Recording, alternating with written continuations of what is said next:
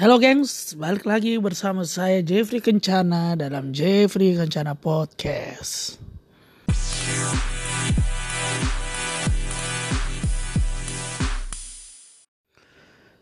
Oke guys, kali ini gue akan membahas tentang sepak bola dari Liga Primer Inggris. Ya, seperti yang kita tahu, setelah kemenangan Chelsea 2-1 atas Manchester City, uh, berapa hari, dua hari yang lalu, dengan begitu Liga Inggris sudah menemukan siapa kampionnya, siapa juaranya, yaitu Liverpool Football Club. So, sebenarnya juaranya Liverpool ini bukan suatu hal yang mengagetkan karena memang udah kayaknya udah semua prediksi Liverpool akan juara. Karena bahkan uh, sebelum terjadi corona memang Liverpool hanya butuh kalau nggak salah uh, dua kemenangan untuk mengubur mimpi dari Manchester City mempertahankan gelar juaranya lagi. Dan walaupun akhirnya terjadi karena corona dan dengan berbagai segala spekulasi yang tadinya mengira bahwa kemungkinan besar Liverpool akan gagal menjadi juara Liga Inggris karena situasi corona. Tapi akhirnya Liga Primer Inggris tidak lanjutkan. Yang menjadi menarik adalah pada game pertama kalau gue nggak salah inget uh, game sebelum City versus Chelsea dan uh, Liverpool ini Liverpool itu kalau nggak salah hanya menang 1-0 atau seri bahkan dan City itu menang menangnya lumayan gede jadi ketika City akan lawan Chelsea dan ini sangat-sangat penentuan ya. Kalau Liverpool menang, eh kalau uh, City menang, maka Liverpool belum tentu menjadi juara karena masih bisa mengejar. Tapi kalau Liverpool, uh, kalau City kalah atau seri, Liverpool udah pasti juara. Dan emang ekspektasi ekspektasi beberapa orang mungkin lebih kayak uh, ya kita tahu lah ya Chelsea kan kondisi timnya dengan ada ada larangan belanja pemain terus tambah corona ini kan memang nggak bisa nambah squad dan dengan squad yang istilahnya dalam tanda kutip seadanya mana ditinggal Eden Hazard tapi hmm. Uh, dengan dengan keadaan si Chelsea yang seperti ini dan dari awal musim Chelsea juga menunjukkan performa yang cukup bagus di bawah naungan sang legenda Frank Lampard. Jadi kayak orang memang tetap nggak expect lah mungkin Chelsea menang. Mungkin paling banter ya seri kali ya.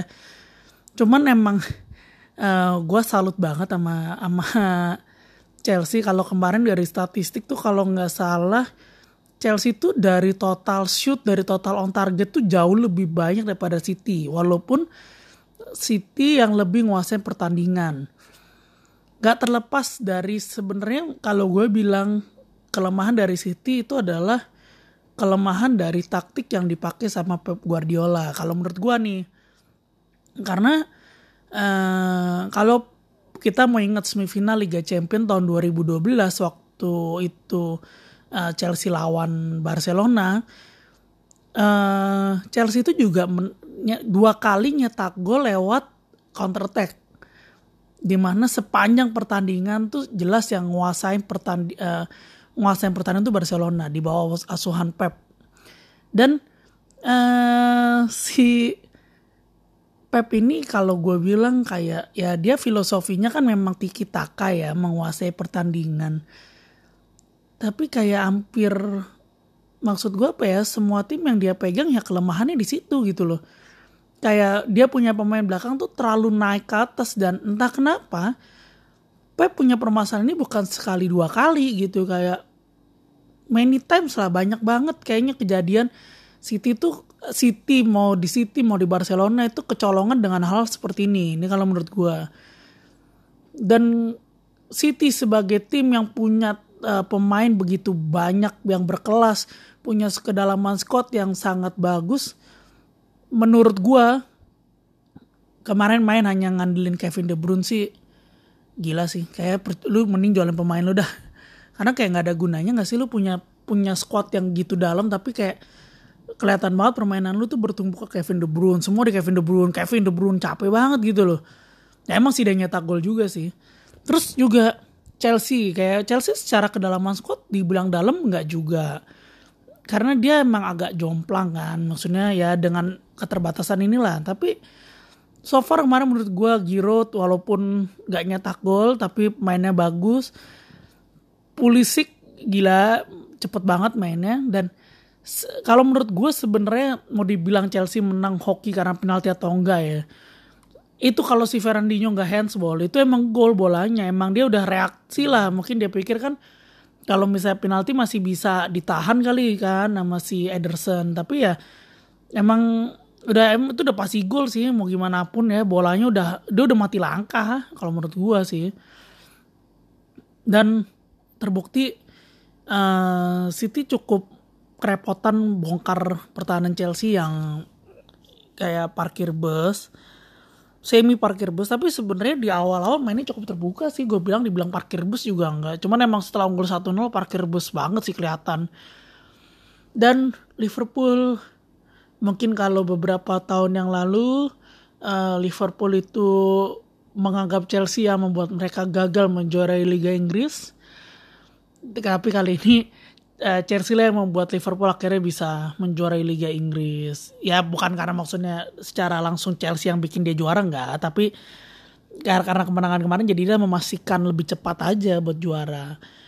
Dan uh, berbicara tentang Liverpool, ini musim yang gila, musim yang sangat-sangat uh, menurut gue sangat-sangat bagus buat Liverpool. Buat Liverpool tuh dari musim lalu sebenarnya mereka memang sudah lebih layak juara ketimbang City kalau gue boleh jujur. Dan musim ini mereka nunjukin konsistensinya di mana City juga nggak menunjukkan konsistennya di musim ini.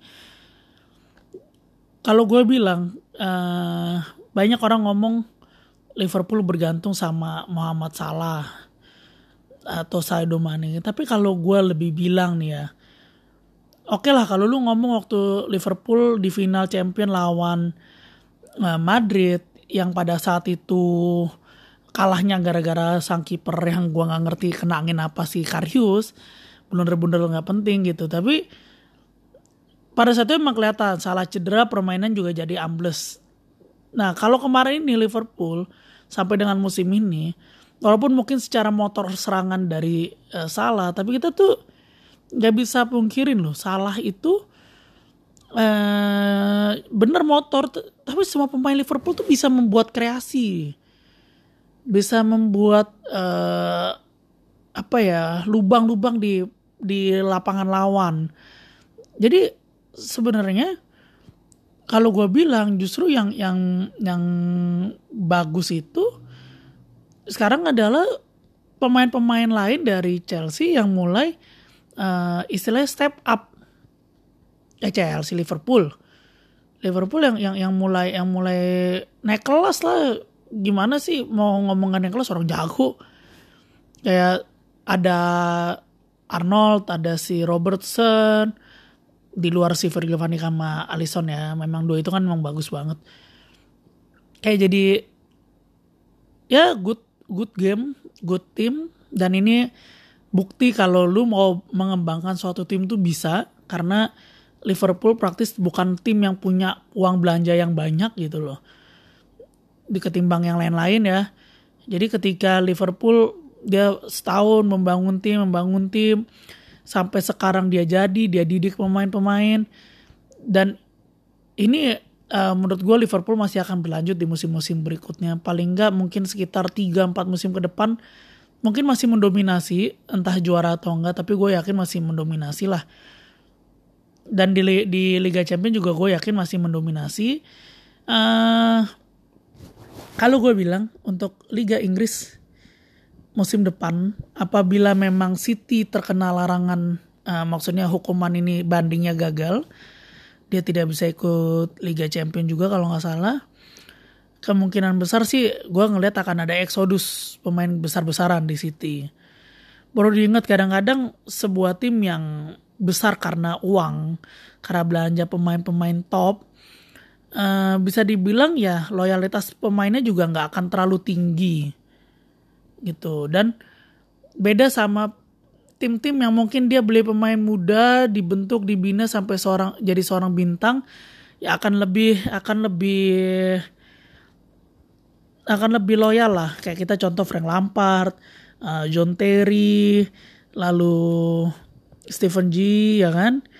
Ya itu pemain-pemain yang di dibeli mungkin atau di dari akademi dibeli masih muda dididik di tim lalu uh, menjadi legenda di tim. Dan gue nggak yakin apakah City dengan pemain-pemain topnya dengan uang belanjanya akan memiliki hal seperti itu. Karena praktis di City di klub-klub yang punya banyak uang.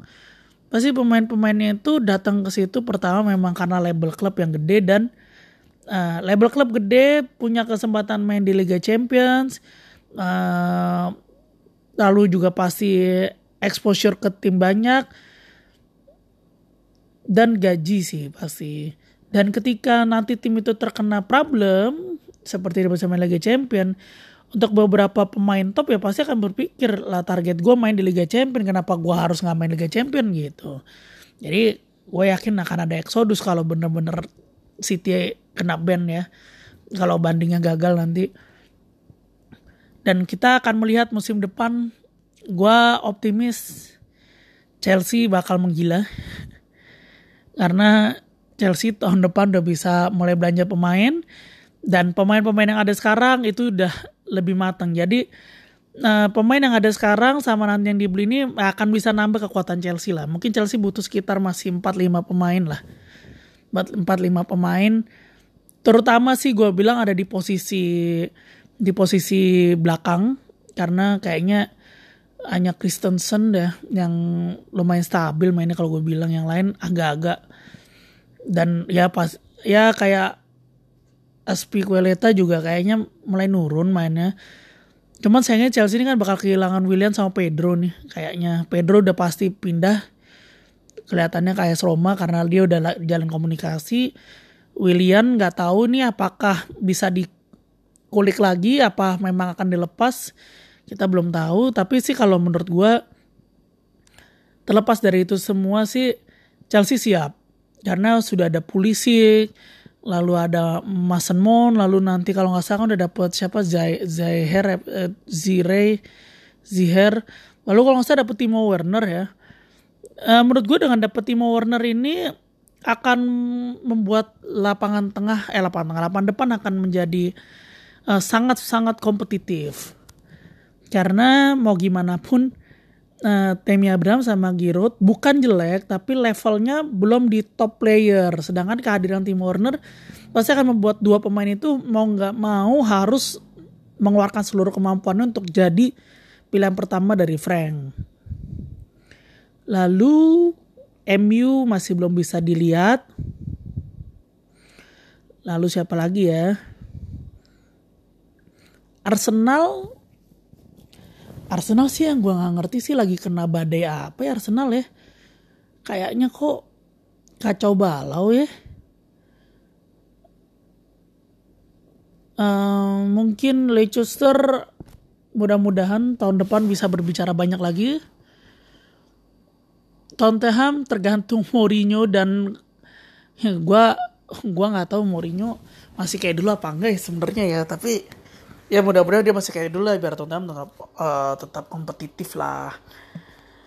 Ya paling itu review untuk Liga Inggris dan sebenarnya sejujurnya gue uh, seneng sih yang juara bukan Manchester City. Tapi kayak ada sedikit sedikit was-was juga dengan Liverpool juara di mana tim ini mungkin sekitar 5-6 tahun yang lalu kita suka ngeledekin tim mediocre gitu ya. Lalu tiba-tiba sekarang menjadi sebuah tim yang uh, superior gitu. Di mana kita juga tahu ya maksudnya Liverpool itu kan tim yang gejolaknya tuh tinggi. Maksudnya dia waktu dipegang Brendan Rodgers itu sempet bagus terus kandas. Uh, terus di akhirnya dipegang sama Klopp. Ya si Klopp kayak gini eh, maksudnya memang startnya membangun ya jadi kelihatan banget sih. Bagus sih manajemen Liverpool ngasih kesempatan gitu. Dan ya sekarang dibuktikan Liverpool kembali menjadi track tim yang ditakutkan.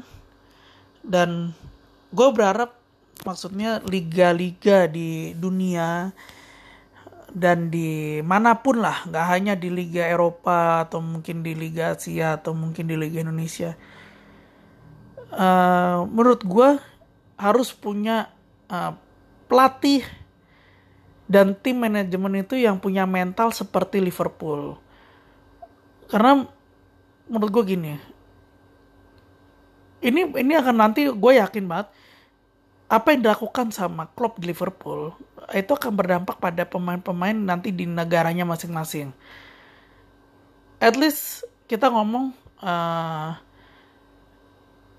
Firmino di depan, mungkin perannya nggak kelihatan eh, nggak uh, kelihatan sebagai seorang striker gitu ya, nggak nggak sebagai seorang yang goal getter, tapi pasti nanti cara dia bermain akan berdampak baik dengan negaranya Brazil salah di Mesir dan si Mane di Mane mana sih Senegal ya kalau nggak salah ya.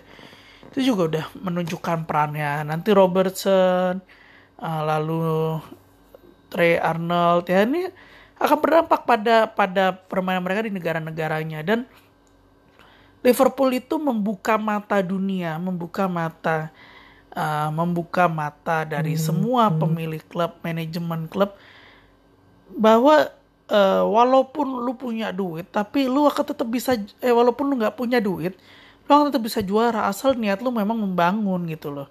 Jangan yang cuman uh, istilahnya sekali geber juara musim depannya ambles sekali geber juara musim depannya ambles.